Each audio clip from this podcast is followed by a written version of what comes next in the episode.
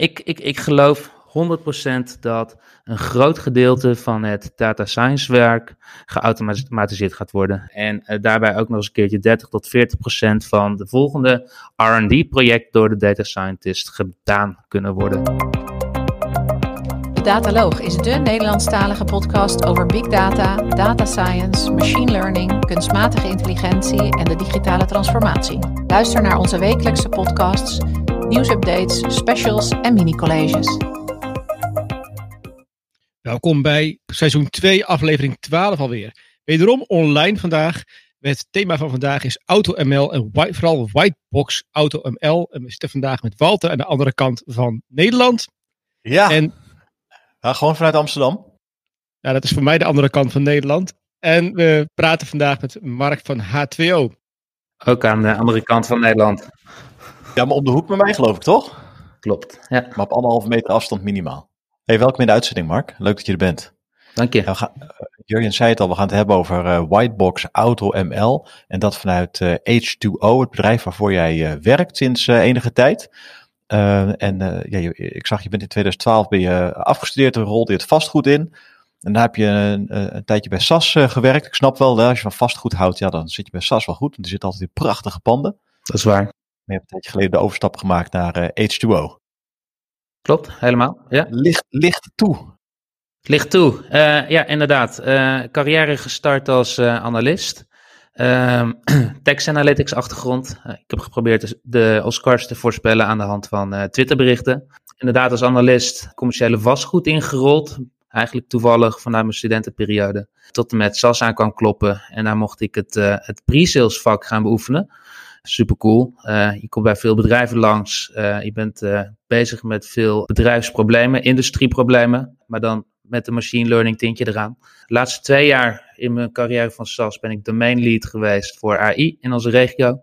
Frankrijk, België, Nederland. Daar heb ik heel erg sterk AI op de kaart proberen te zetten bij SAS-klanten en nieuwe klanten. En sinds zeven maanden ben ik aan de slag gegaan bij H2O.ai als, uh, als regio-lead voor de Benelux.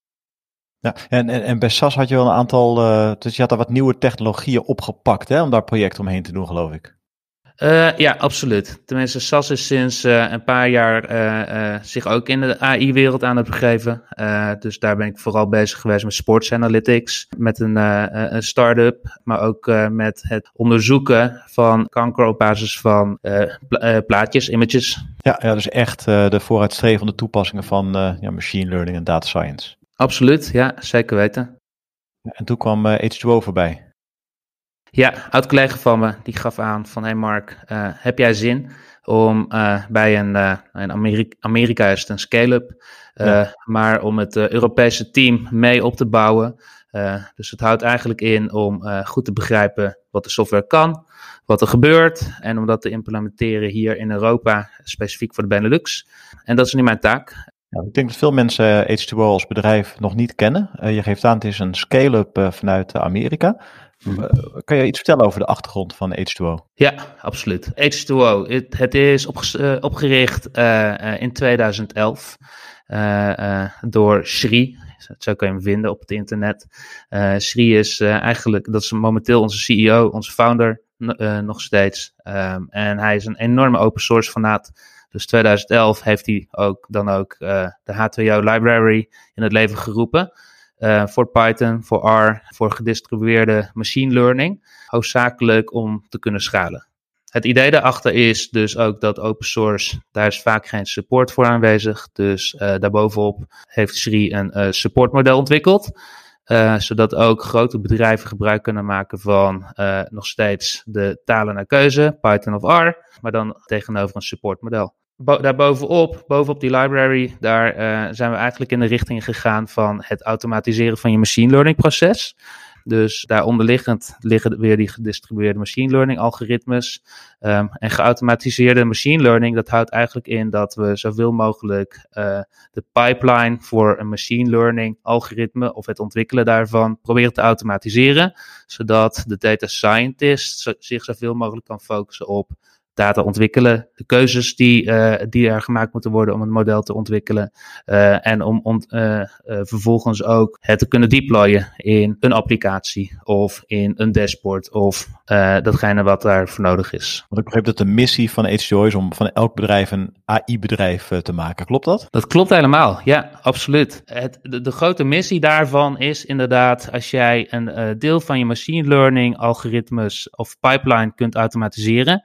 Dat houdt eigenlijk dus ook in dat machine learning voor een grotere groep mensen beschikbaar gaat worden. Dus ook dat mensen met databegrip uh, vanuit de business eventueel ook data science stappen zouden kunnen gaan zetten. Ja, ja en nu dus de stap ook naar Europa gezet um, als, als Amerikaanse scale-up.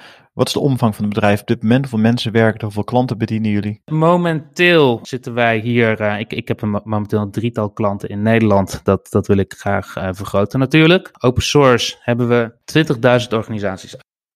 En uh, Mark, je nu dus de stap naar Europa, waar jullie H2O hopen te gaan uitbreiden. Jullie zijn een scale-up uit Amerika. Wat moet ik me voorstellen bij jullie omvang? Hoeveel mensen werken er? Hoeveel klanten bedienen jullie? Ja, uh, we hebben in totaal momenteel 180 mensen wereldwijd te werken voor H2O. Uh, eh, waaronder een twintigtal mensen in Europa. Ik in mijn eentje in de Benelux. Ik hoop dat ik daar ook in ga groeien. Uh, ziet er wel zo naar, naar uit. Uh, wij hebben open source uh, hebben we ondertussen meer dan 100.000 data scientists die werken met uh, onze open source tooling. En ondertussen ook al 20.000 organisaties die commercieel met onze tools aan de, aan de slag zijn. En Mark, jullie zijn een scale-up, zeg jij. Zitten er ook grote investeerders achter de H2O? Ja, absoluut. Eentje is bijvoorbeeld Wells Fargo. Uh, Nvidia is een grote. Um, dat, dat, dat ligt in de lijn van uh, het kunnen schalen van onze open source tools um, want uh, onze, onze H2O library, uh, die zijn we gaan GPU enablen. Dus vandaar dat Nvidia om de hoek is kwamen kijken. Goldman Sachs is een hele grote. Um, die is bezig met een transformatie naar AI binnen de organisatie.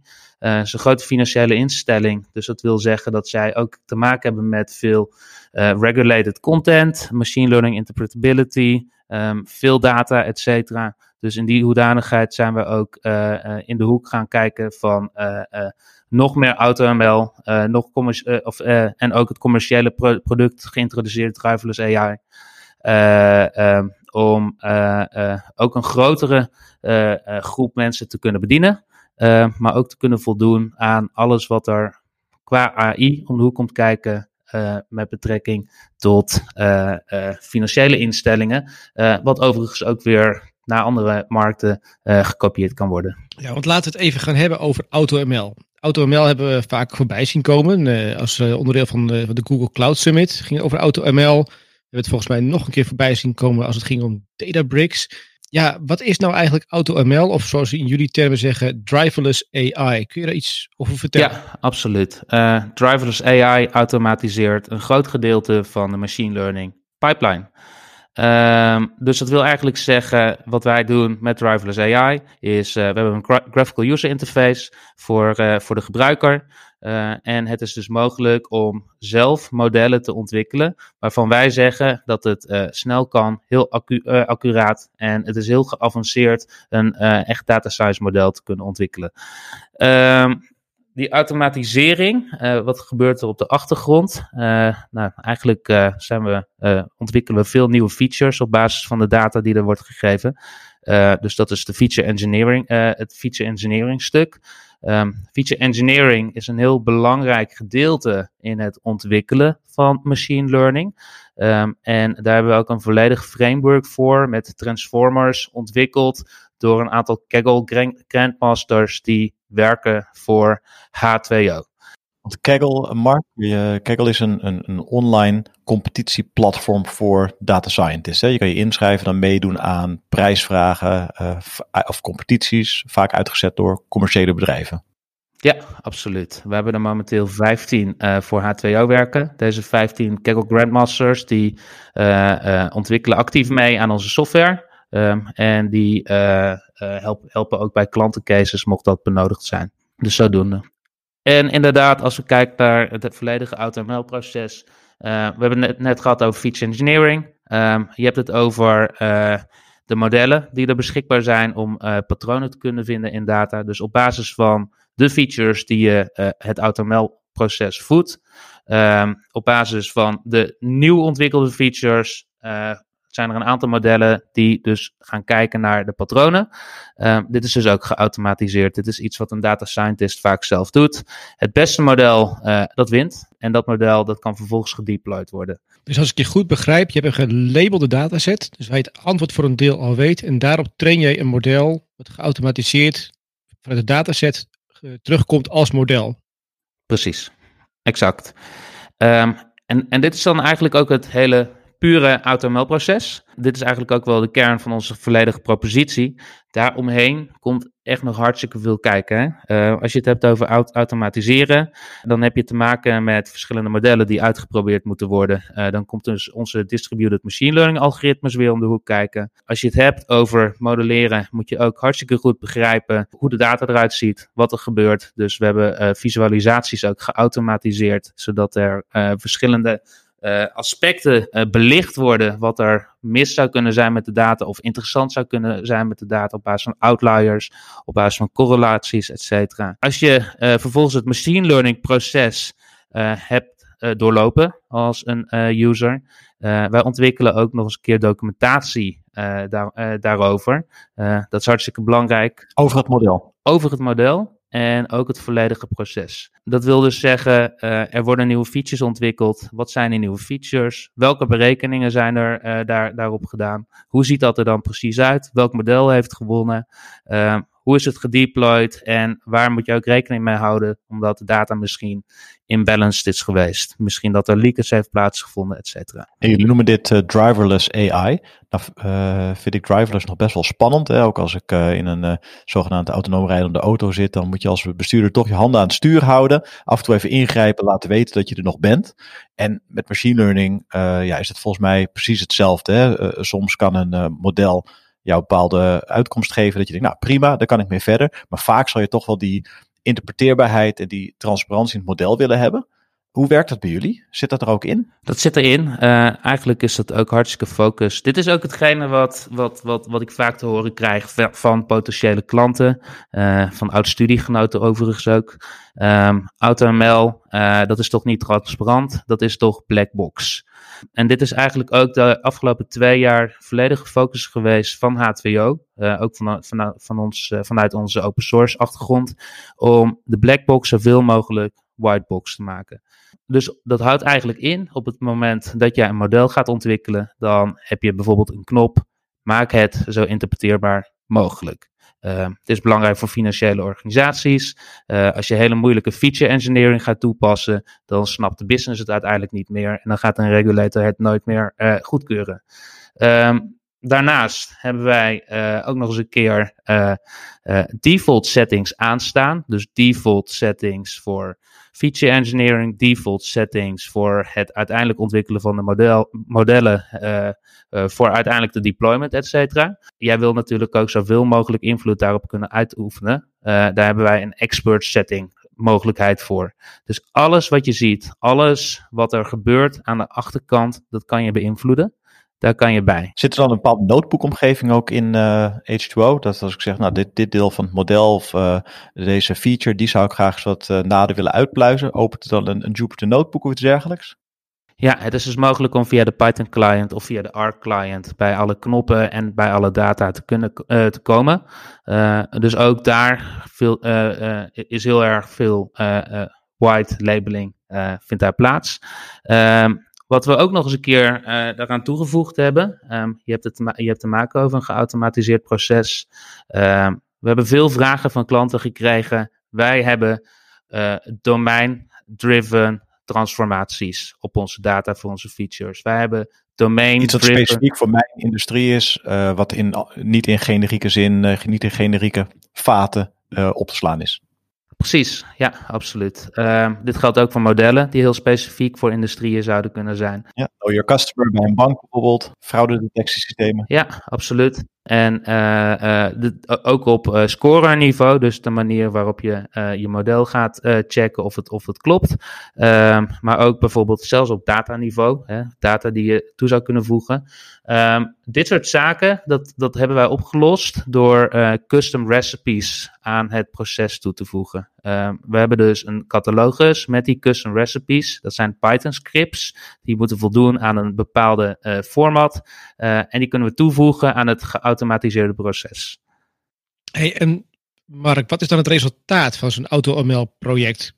Uh, bij Google is het dat je via een API komt in een, in een, in een API call en dat is het dan. Wat krijg je bij jullie dan? Uh, we, we, hebben verschillende mogelijkheden. Dus dat is de, uiteindelijke deployment van, uh, van, je, van, je, van je model. Hè? Um, op het moment dat. Nee, dus deployment, maar vooral het resultaat. Dus krijg ik dan een, een file, of krijg ik dan een code, of krijg ik dan een ja, executable? Hoe moet ik het zien? Uh, je krijgt uiteindelijk een uh, stukje code van ons. Uh, dat is, en dat staat volledig vrij van de software van Driverless AI.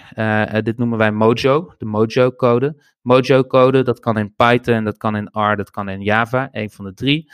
Um, en wat daar eigenlijk in gebeurt is, daarin slaan wij een stuk van de intelligentie op. Um, namelijk het feature engineering stuk en het model dat uiteindelijk ontwikkeld is.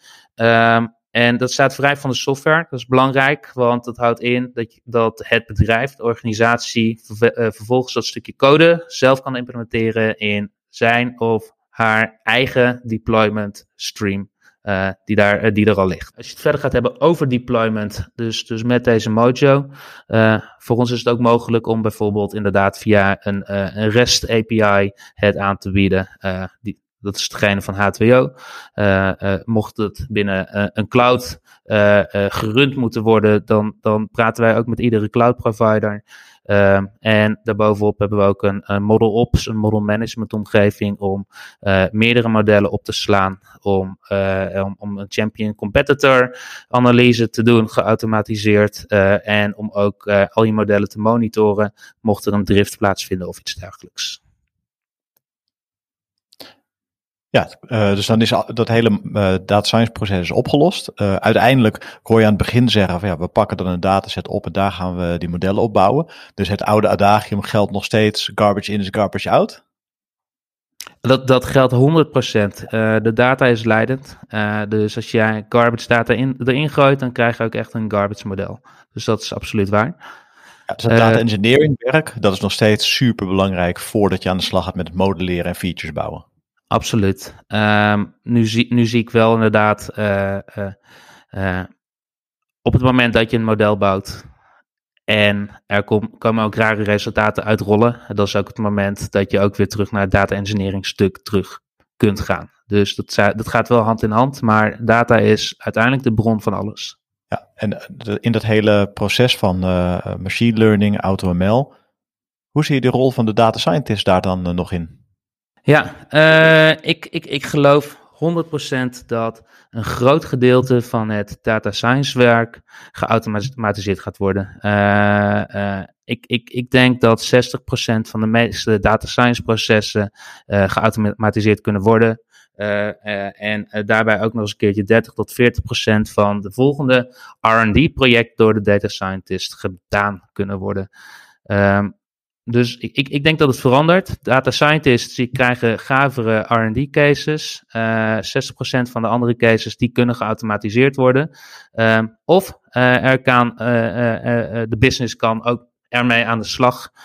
dus het, is, het kan ook een hele mooie bridge zijn tussen business en data scientists. Ja, maar dat, dat zeg je nu wel, hè? Het lijkt me dan best wel lastig om dat te verkopen. Want je hebt een bedrijf met een aantal data scientists en die gaan zo meteen geen data science werk meer doen, want jij doet het over. Staan die wel open voor jouw technologie? dit zijn inderdaad mijn eerste gesprekken vaak. En die eerste gesprekken, die, uh, uh, ik, ik moet het vaak laten zien. Wat ik altijd aangeef is, uh, het model dat Driverless maakt is vaak beter. je maakt het sneller, de go-to-market is korter. Vervolgens dan moet je bewijzen dat het systeem hetzelfde kan als wat je als data scientist doet. Waar ik ze meestal mee overtuig is wat zou je moeten doen als data scientist? Dat is zoveel mogelijk begrijpen. Wat is de data? Hoe ziet de data eruit? wat is het proces? Klopt het? Um, interpreteer zoveel mogelijk het uiteindelijke model. Uh, en hoe moet het gedeployed worden? Um, dat zijn zaken die driverless voor jou kunnen vergemakkelijken. En als data scientist krijg jij op die manier meer grip en beter inzicht in jouw modellen. En wie neemt de beslissing om H2O eh, aan te schaffen? Is dat op uh, management-directieniveau of komt het uh, echt bij de data scientist zelf vandaan? Het komt van beide kanten vandaan. Ik zie op MKB-niveau vaak dat de managers en de data scientists dit samen beslissen. dat, dat wil eigenlijk zeggen, omdat met driverless, met één data scientist, heb je vaak zeker anderhalf tot twee data scientists, omdat je de boel automatiseert. binnen grote bedrijven zie ik vaak dat we vanuit het innovatiestuk platform uh, binnenkomen. Dat is meer ook omdat auto machine learning uh, momenteel hip is. Uh, misschien een hype. Ehm, maar op die manier kunnen we wel heel wat bedrijfsprocessen versnellen. En daar, ook daar zitten we weer op de verkorting van de go-to-market. Ja, mooi. En um, ja, in bepaalde sectoren is het ehm, ja, de, de simpelweg niet toegestaan om blackbox modellen te gebruiken. Het is de transparantie, we zien het in zoveel van onze opnames voorbij komen. Dat bedrijven die interpreteerbaarheid, die transparantie willen, fairness in uh, modellen. Uh, kortom, ja, een, een blackbox uh, model als antwoord, dat werkt niet. Maar voor die interpreteerbaarheid heb je toch ook nog wel data scientists nodig. Um, ja. Dus kan een bedrijf zonder data scientists op die manier ook met HCO aan de slag? Of heb je nog steeds behoefte aan data scientists in je team? Ik, ik geloof 100% in dat data scientists benodigd zullen blijven zijn in het hele proces. Uh, waarom? Je moet begrijpen wat er op de achtergrond gebeurt. Uh, je moet begrijpen uh, wat de resultaten nou precies betekenen. We hebben, we hebben nog steeds te maken met statistiek. Um, het is wel zo dat we het proces efficiënter maken. Dus die ene data scientist, die gaat een stuk meer leveren op basis van dit soort type software. Ja. Kan je iets vertellen over de, de use cases en de branches waarin jullie uh, actief zijn? Waar zijn jullie succesvol?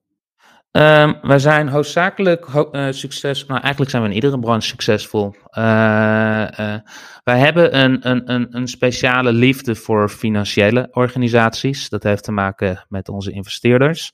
Um, dus je ziet dat, dat veel van de functionaliteiten die in onze software zitten, financieel gedreven zijn. Uh, en dat is helemaal niet erg, want eigenlijk die financieel gedreven functionaliteiten, uh, dat zijn functionaliteiten die andere organisaties ook kunnen uh, gebruiken. en dan heb ik het hoofdzakelijk over interpreteerbaarheid. Dan heb ik het hoofdzakelijk over het kunnen uitleggen van modellen, het geautomatiseerd documenteren waar we het zojuist over gehad hebben. Um, dus, dus het zijn hoofdzakelijk de financiële organisaties. nu is het wel zo dat inderdaad we in andere industrieën ook aan de slag zijn. Bijvoorbeeld uh, Stanley Black Decker.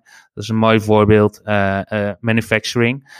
Um, en die proberen hun productielijn te versnellen op basis van data science. Ja, heb je over gereedschap. Hè? Black Decker kennen we wel. Stanley, die ken ik vooral van de meshes, maar die doen ook een, heleboel materialen. Hamers ja. en weet ik wat. Hamers, dat produceren ze. Security doen ze, ja. ja, ja. Industriële producten. Um, dus dat is een product. In productieproces? Ja, wij, uh, wij, wij proberen zoveel mogelijk, of zij proberen zoveel mogelijk data te ontvangen van het gehele uh, productieproces. Dus dat gaat vanaf de basis tot met een product aan toe. Um, Waar, uh, uh, waar Stanley, uh, Stanley Black Decker vooral problemen mee had, was de interactie tussen de verschillende sensoren binnen het productieproces. Wat moet je nou doen om een zo goed mogelijk model te krijgen die vertelt, dit moet je doen om het proces te versnellen of juist niet. Um, Bijvoorbeeld, we hebben het zojuist juist gehad over geautomatiseerde feature engineering. Black Jack Decker heeft driverless AI juist uh, voor dat gedeelte gebruikt om te begrijpen welke sensoren interacteren met elkaar, waardoor er ook inzicht werd gekregen om het proces zoveel mogelijk te versnellen. Even over smart industrie. Hè. Je hebt nu Standy en Black Decker. Ik werk zelf ook in die smart industrie tak. Daar zie je toch ook wel veel bedrijven die geen eigen data science afdeling hebben, maar wel geïnteresseerd zijn in uh, smart maintenance of smart production, zoals jij het nu geeft. Worden die leerlingen die uit zo'n Stanley Black Decker case komen ook weer geïmplementeerd in het platform van H2O? Ja, die ga je terugvinden in onze catalogus. dus dat zijn die transformers, die modellen, die scorers, die je dus inderdaad zelf domeingedreven kunt ontwikkelen. die, die, die, die bieden we daar aan. Dus, dus we hebben een generiek platform voor de automatisering op het moment dat jij industrie gefocust iets wil gaan doen, dan komt dat in die catalogus terecht. Dus ja, absoluut. En stel even, even een use case van een bedrijf. Ik heb een bedrijf die ik, ik maak uh, tellenmachines. Ik ga uh, bollen pellen en ik uh, heb machines die, die bollen kan tellen. daar heb ik nu heel specifieke domeinkennis daaruit. Ik heb een sensor die spuugt, een klepje gaat open, een klepje gaat dicht. Kunnen jullie tot op dat niveau een dataset binnenharken en zeggen: hey, nu moet hier maintenance aan plaatsvinden? Goeie vraag. Op dataniveau, dat, dat zullen we toch inderdaad uh, met andere tooling moeten doen. Um, maar inderdaad, op het moment dat data beschikbaar is, op het moment dat we er een model van kunnen maken en op het moment dat we die domeinkennis eraan toegevoegd hebben, dan is het mogelijk om dat ook weer real-time of in batch terug te brengen in dat apparaat.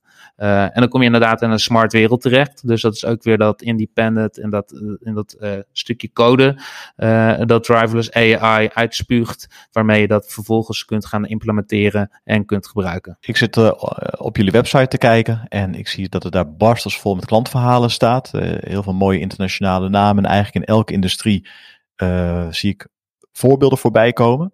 En ik zie er ook uh, een van de, ja, bedrijven die we toch als Nederlands trots mogen zien uh, voorbij komen, Booking.com. Uh, kan je iets vertellen over hoe zij omgaan met H2O? Ja, absoluut. Booking.com, die zijn al enkele jaren klant van H2O. en die zijn klant geworden omdat zij graag geautomatiseerde machine learning wilden gaan gebruiken, maar wel op hele grote schaal. Dus uh, om op schaal data science te beoefenen, daar hebben ze een, een, een Spark cluster voor liggen. Um, en uh, H2O heeft daar dus ook een product voor, Sparkling Water, uh, die dus heel efficiënt met de Spark cluster kan omgaan om vervolgens AutoML te doen. Um, waar ze het voor gebruiken? Voor veel data, Um, ze gebruiken het ook zeker voor uh, een grote groep data scientists die net begonnen zijn, maar wel goede modellen moeten ontwikkelen van de organisatie. Dus er zit een grote groep uh, beginnende data scientists op.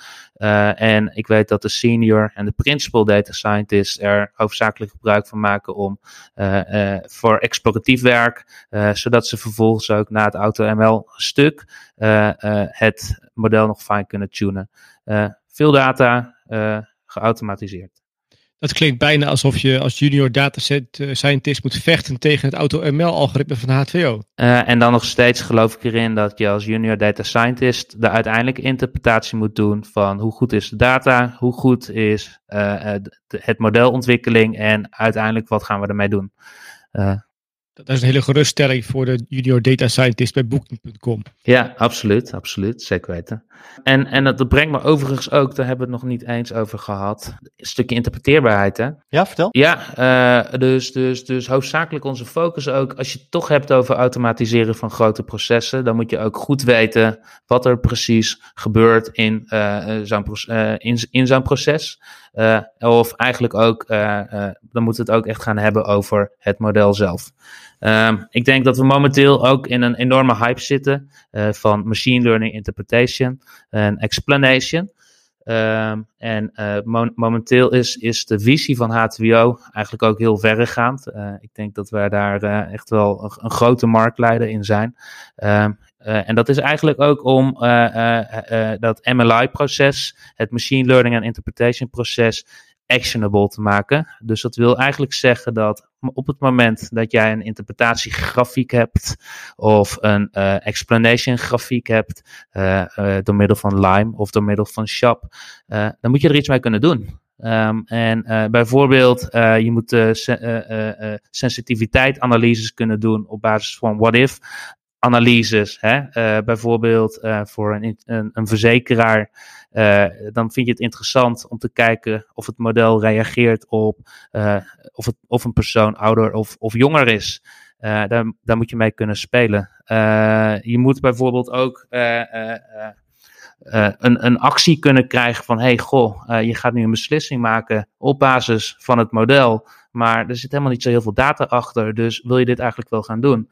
Dus dat, dat noemen we echt eigenlijk al de basis explanations. Maar op die manier kan je ook enorm veel je model debuggen. een, een, een tweede item wat, wat heel belangrijk is en steeds uh, steeds uh, hipper begint te worden, is ook het discriminatietesten. Um, dat doe je door middel van algoritmes zoals disparate impact analysis. Huursubsidies, hè, dat de juiste mensen huursubsidie krijgen en niet bepaalde groepen automatisch uitgesloten worden. Precies dat, ja, ja. Dus dat is inderdaad het populaire onderwerp, het verschil. Heren, luistert u mee? Ja, precies. Uh, dus, dus, dus dat is een belangrijke. Uh, stresstest van je modellen. Uh, dus op het moment dat jij als data scientist erg blij bent met je model, want uh, uh, de resultaten zien er goed uit, de significantie is correct, um, je, je weet het te deployen, et cetera. daarna kan er nog van alles gebeuren met zo'n model op het moment dat het geïmplementeerd wordt, omdat het de verkeerde resultaten oplevert. Um, dus, dus ik denk dat ook een onderwerp dat steeds belangrijker gaat worden, is echt puur het stresstesten van je model. Dus combinaties van variabelen vinden met hele rare uitkomsten. Uh, kijken hoe uh, veranderingen in uh, niet-demografische variabelen effect hebben op het uit, uit, de uiteindelijke voorspelling.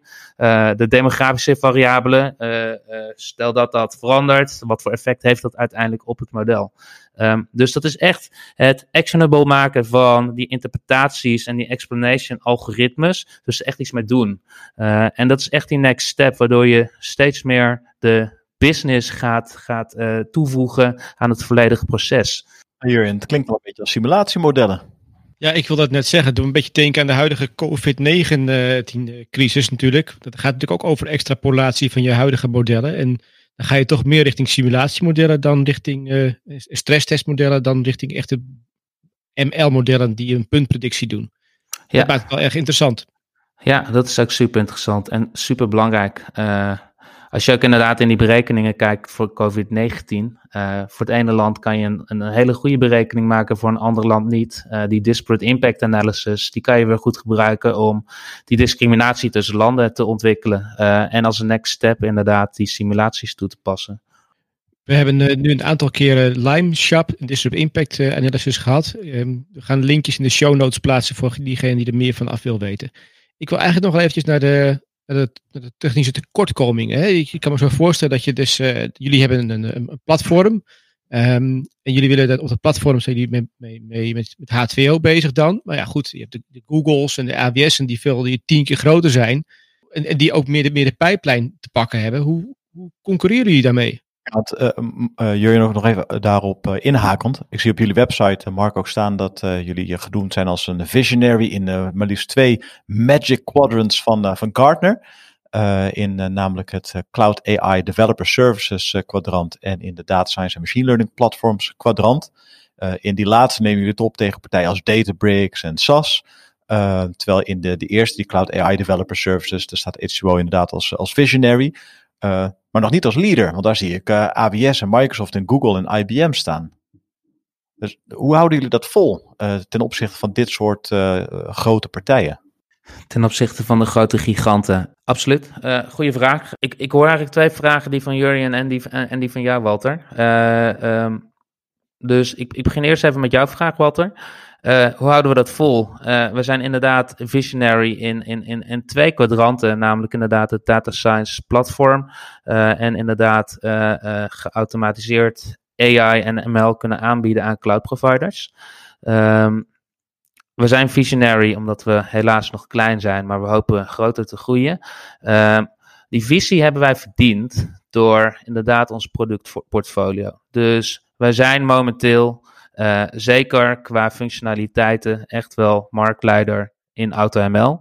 Um, om die visie te verdienen, dan uh, hebben, we, hebben de extra stappen gezet. En een van die stappen is dus inderdaad model management toevoegen op basis van uh, je drivers AI modellen.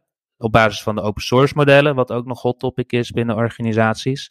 Wat we eraan toegevoegd hebben is Q. Q, dat is een app framework voor je AI modellen.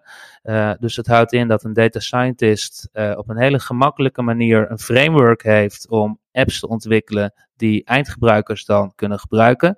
Um, dus dat gaat meer over het consumen, het kunnen gebruiken van de resultaten op een, uh, op een business manier. En dat hebben we volgens een cloudmodel gedaan. En dat cloudmodel is dat we volledig agnostisch zijn. Alles is benaderbaar via REST API's. en er, staat gewoon een dijk van een framework tegenover waar zowel business users blij van worden omdat ze sneller kunnen consumeren, waar de data scientists blij van worden, omdat ze nog beter en nog vaker hun model terug gaan zien in bedrijfsprocessen. Ik zou echt nog even willen, kijken naar de business case, hè Mark? Op uh, Google Platform draait, dan, dan, betaal je per uh, keer dat je de, de REST API aanroept, volgens mij, als je AutoML gebruikt. Ja, weet je, als je, jullie hebben een whitebox AutoML systeem, waarbij je, zoals je zei, een, een, een vuiltje terugkrijgt met code, met Mojo code. Dus, dat, dus je businessmodel haal je niet uit, je, uit het aanroepen van je code. Hoe werkt jullie businessmodel? Ons, ons businessmodel is licentie gefocust. Dus het houdt in dat uh, uh, we een licentiemodel hebben voor uh, op userbase of op puur compute. Dus het houdt in hoe meer data je gaat analyseren, hoe groter de licentiekosten gaan worden. Dus dat is anders dan van de Google en uh, de Amazon-achtige zaken. Voordeel is, je bent totaal independent van cloud. Je hebt uh, deployment code tot je beschikking. Je zit niet meer vast aan één type provider. en dat is dan ook vaak voor veel bedrijven de reden om met H2O aan de slag te gaan. En kun je dan iets zeggen, kijk, een data scientist kost gauw, uh, nou ja, netto kosten al 80k per jaar. En dan heb je nog uh, de data engineer die uh, de boel aan elkaar moet draaien. En dan heb je nog de implementatie van het systeem, waarbij je nog keer 10 uiteindelijk alles. Ja, en je software zo... erbij. Dus dat, ja, je, bent niet ja. klaar als je mensen hebt. Hè. Je, er komt best wel wat tooling bij. En, en ook werk wat gedaan moet, moet worden. Ja, zeker. Dus hoe, hoe ziet die licentiestructuur eruit? Um, kun je op tegen het betalen van een data scientist? En het opbouwen van een eigen team. En het opbouwen van een eigen team, goed punt. Uh, de business case voor veel bedrijven om te kiezen voor H2O, uh, eh, dat zit meestal in de hoek van kennis. Uh, we hebben echt, ik, ik, durf, ik durf te stellen dat we de beste data scientists hebben werken voor H2O. In de vorm van Kaggle Grandmasters, maar alles wat daaronder hangt, dat is ook hartstikke interessant aan kennis en aan mensen. Twee functionaliteiten. Um, als je puur naar de functionaliteiten kijkt, dan bieden de cloud providers momenteel AutoML aan, waar wij een stuk meer functionaliteiten aanbieden in de vorm van documentatie, visualisatie, uh, machine learning interpretability, um, de acties waar we het zojuist over gehad hebben voor MLI en het ook nog het kunnen deployen van je uiteindelijke modellen.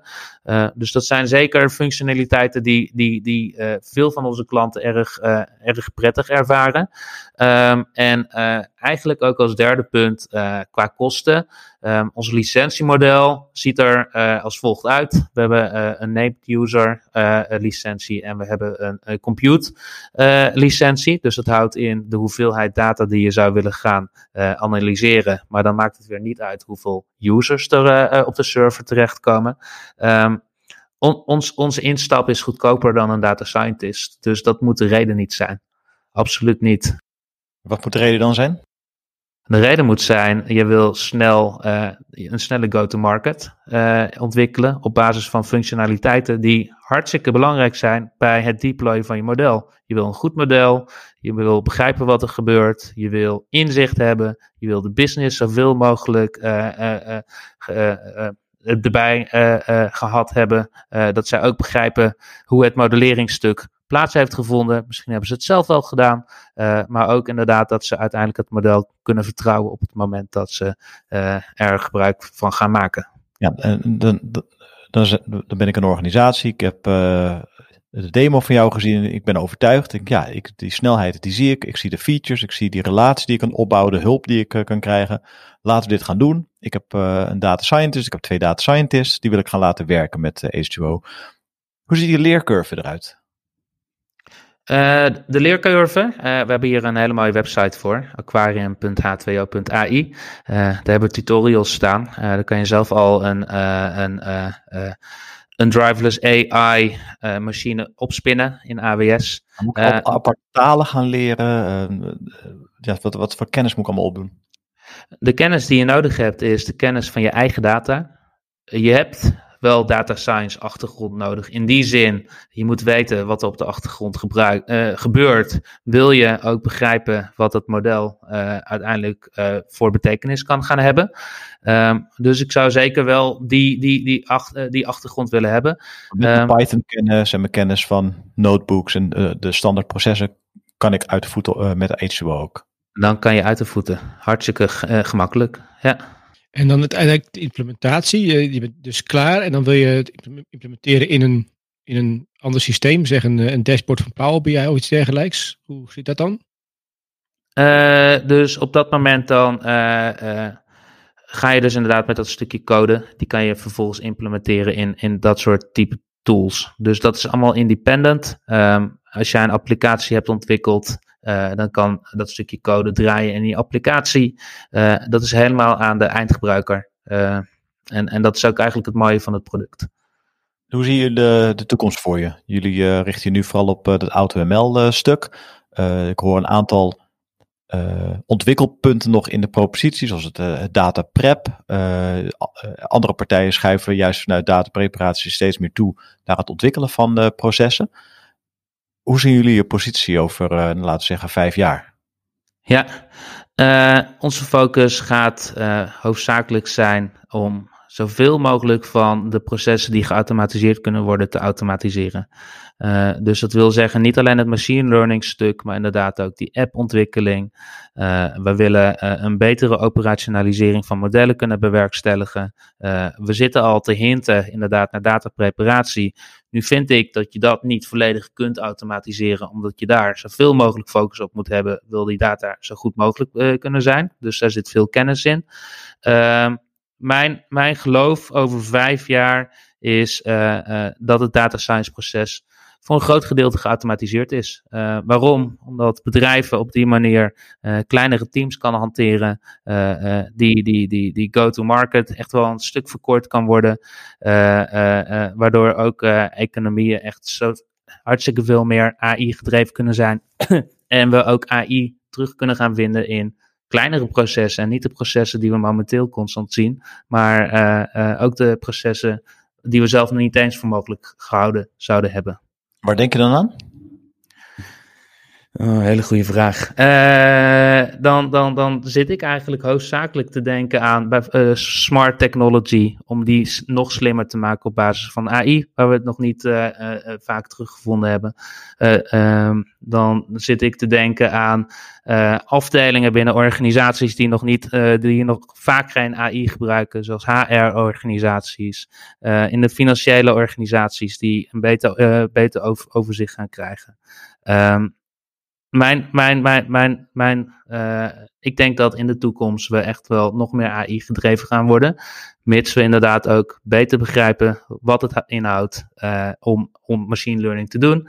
En dat de blackbox steeds meer die whitebox gaat worden. Whitebox AutoML voor de win. Dankjewel voor je aanwezigheid inderdaad, de logo, Mark. Ik wens jou natuurlijk ontzettend veel succes uh, met jouw platform in de, de Benelux. Walter, wij zien elkaar uh, snel weer voor het datanieuws, hè? Wij zien elkaar snel, virtueel zien we elkaar snel weer. Ja, Mark, fantastisch. Uh, goed om te zien dat we in Nederland nu ook uh, Nederlandstalige representatie hebben van, van H2O. heel veel succes. En heb je nou interesse om meer te weten te komen over dit product? Kijk dan eventjes in de show notes van deze uitzending. daar zullen we ook opnemen hoe je in contact kan komen met, met Mark. Leuk. Dank jongens. Dankjewel. Ja, hartstikke goed. Bedankt voor het luisteren naar deze uitzending van de Dataloog podcast. Wil je automatisch wekelijks een podcast ontvangen? Klik dan op subscribe in jouw favoriete podcastprogramma. Vond je onze podcast leuk, goed, interessant of wellicht te veel ene en nullen? Laat een review achter of geef thumbs up. Heb je vragen of opmerkingen? Kijk dan ook eens op www.dedataloog.nl. Hier staan ook de show notes van alle uitzendingen. Alles wat we maken doen we onder Creative Commons. Je mag alles hergebruiken voor niet-commerciële doeleinden, zolang je ons als bron maar noemt. Volg ons op Twitter op @dataloog. Graag tot de volgende keer en voor nu, tot data!